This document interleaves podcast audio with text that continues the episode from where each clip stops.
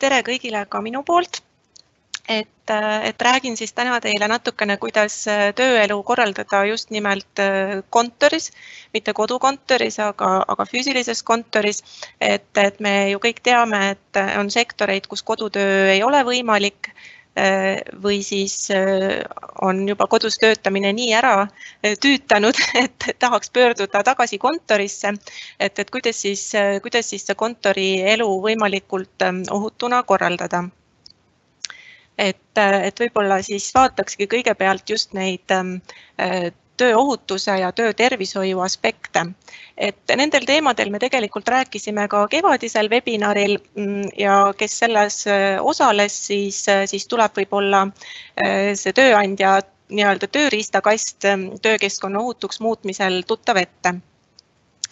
et, et loomulikult ei ole hetkel tõenäoliselt enam kellelegi uudiseks, et, et peamine kohustus siis töökeskkonna ohutuks muutmisel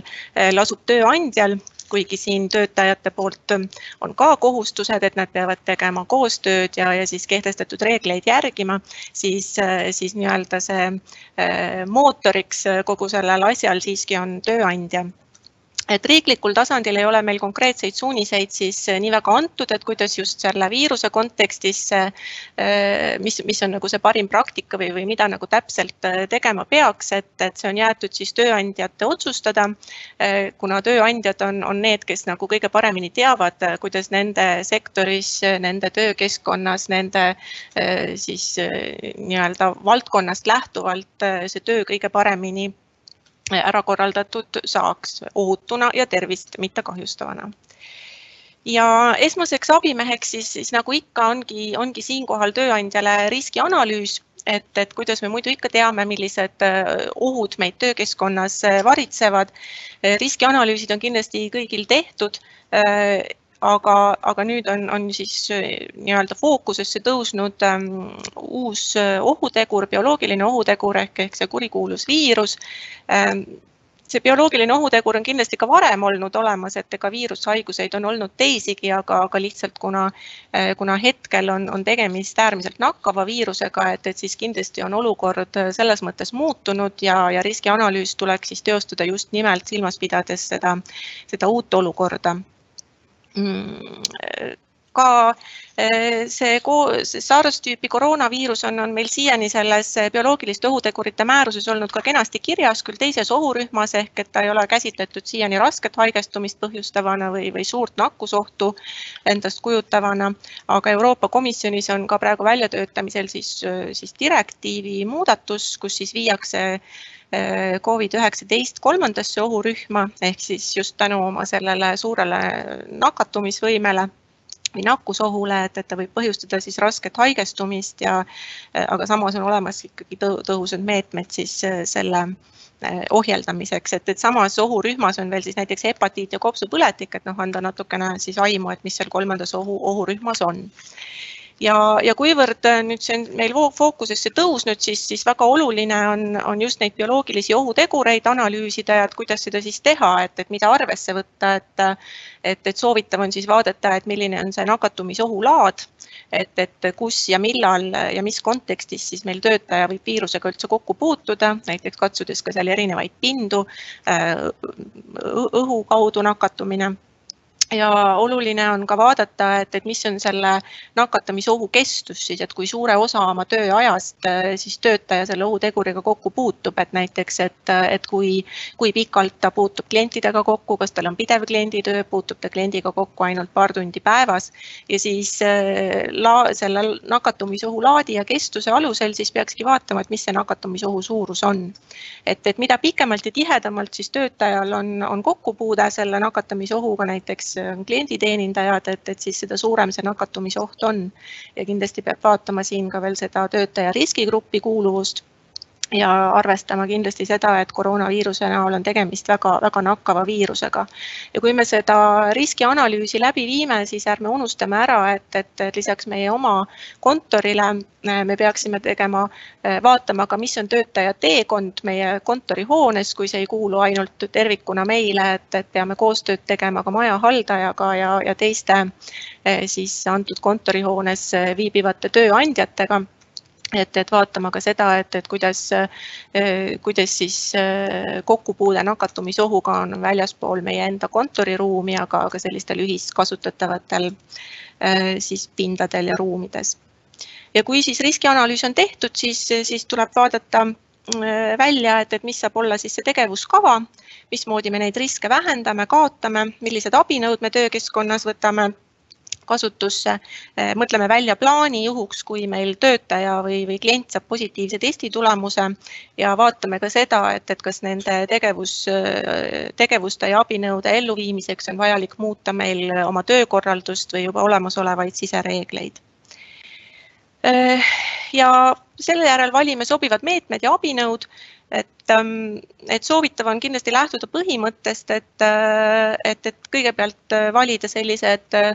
üldised abinõud ja seejärel liikuda selliste üksikute ja individuaalsemate poole, sest et mida individuaalsem ja personaalsem see abinõu on, näiteks nagu kohustus maski kanda, et seda sekkuvam ta inimese privaatsfääri on ja seda ebamugavam ta on ja seda, seda vähem on valmis inimesed neid abinõusid ka kasutusele võtma. ehk siis vaatamegi esmajärjekorras, kuidas me saame üldist töökorraldust korraldust muuta selliselt, et, et oleks ohutum töötada ja seejärel, kui see ohtu täielikult ei, ei kõrvalda või, või ei vähenda, siis vaatame, kas on vajalik kasutada ka individuaalsemaid isikukaitsevahendeid. Ja, ja selleks, et töötajad ka teaksid, et, et miks me midagi teeme ja kuidas neid abinõusid kasutada, ei tohi ära unustada, et, et töötajaid tuleb juhendada, teavitada, neile ka selgitada ja, ja ega sellega siis ka asi ei piirdu, et, et kuivõrd olukord ka selle viirusega muutub suhteliselt igapäevaselt, siis võiks, võiks jätkuvalt äh, teostada sellist sisekontrolli, et, et kas meie riskianalüüs on veel adekvaatne, kas äh, meie välja valitud tegevuskava ja, ja meetmed nagu äh, vastavad siis tekkinud olukorrale ehk et ei, ei ole välistatud, et seda riskianalüüsi peab siis teatud asjaolude muutumisel ka uuesti tegema ja oluline on töötajate kaasamine kõikidel tasanditel ja nendega koostöö tegemine, et, et mida rohkem me oleme oma tegevuses läbipaistvaid ja töö, paistvad ja töötajaid kaasame, seda, seda lihtsam on, on ka äh, siis töötajatel neid, neid uusi reegleid, seda uut normaalsust nagu, nagu vastu võtta ja järgida. Äh, ja kui me nüüd läheme järgmise slaidi juurde, äh, siis vaatame korraks lähemalt selliseid tööohutuse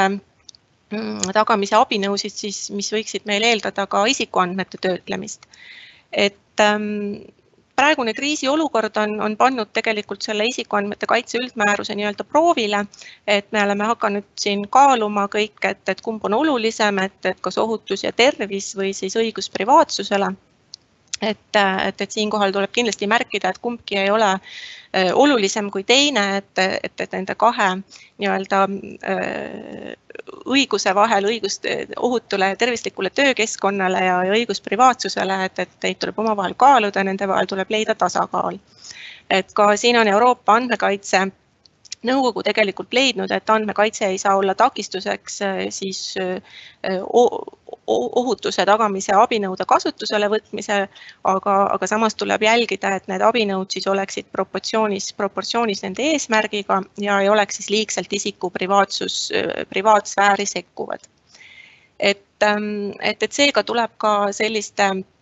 abinõude puhul nagu siis ütleme, töötajate käest teatud eh, tervisedeklaratsiooni võtmine, info küsimine, kraadimine, erinevad igasugused teavituskohustused, eh, kasvõi testimine, et, et kõikide nende meetmete kavandamisel tuleb siiski lähtuda isikuandmete kaitse reeglitest ja, ja nendest põhimõtetest, mis meil tavapäraselt isikuandmete kaitse puhul siis mängu tulevad, ehk et me peame välja mõtlema, mis eesmärgil me mingi meetme Eh, tarvitusele võtame ja et, et kas need andmed, mis, eh, mida, mida me koguda siis soovime, vastavad sellele eesmärgile, kas nad on eh, nii-öelda proportsionaalsed selle eesmärgiga ja kui palju selle eesmärgi täitmiseks meil tegelikult neid andmeid vaja on, et, et kindlasti on, on taunitav selline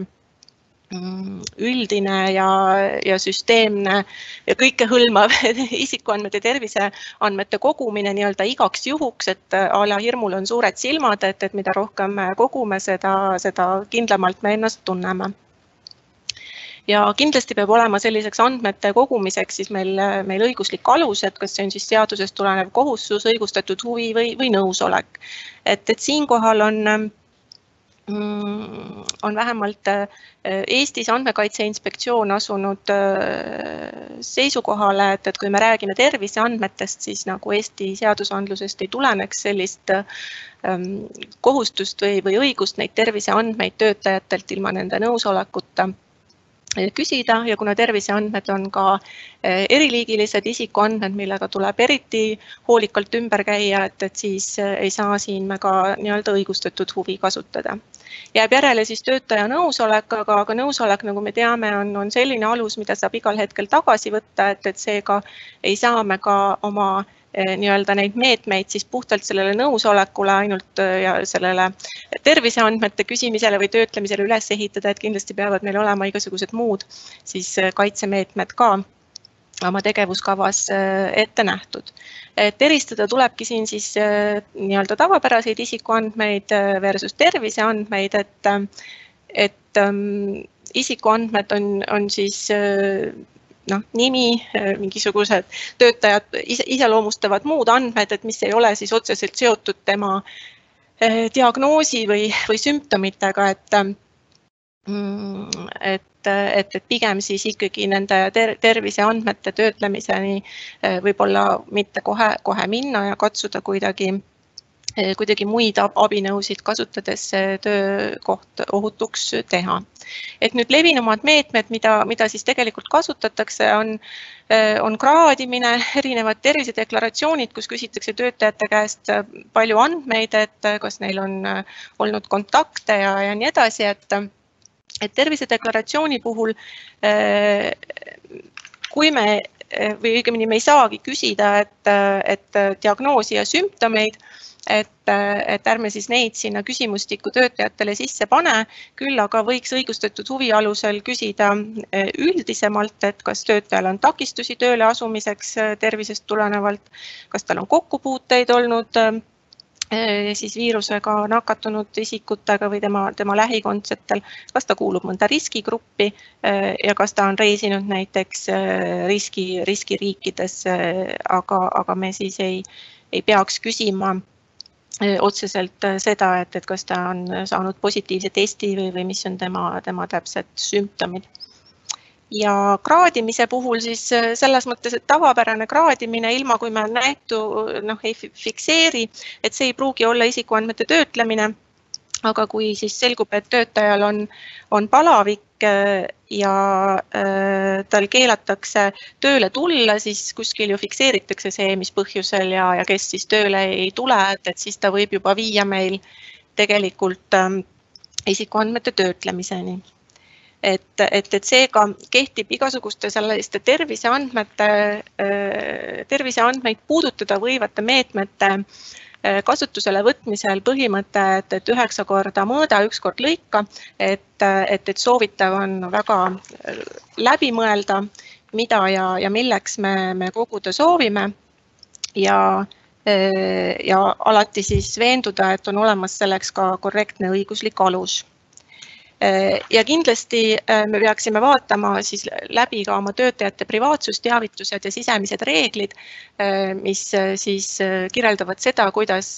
töötajate isikuandmetega ümber käiakse, sest et, et, et kindlasti ei, ei, ei pruugi meil olla kõik need aspektid, mis, mis siis praeguses kriisiolukorras on meil töökeskkonnas esile kerkinud, nendes dokumentides veel kajastuda. ja kui me nüüd vaatame edasi et mis siis teha, kui, kui äh, selgub, et töötaja on andnud positiivse testi,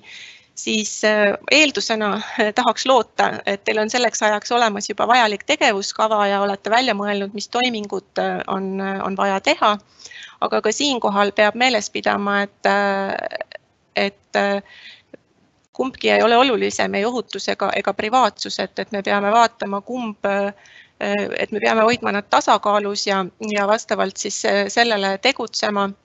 Äh, samuti siis silmas pidades isikuandmete kaitse reegleid tore oleks, kui on, on määratud isik, kellele töötaja oma haigestumisest teatab ja sellel isikul peab olema siis, siis teada, et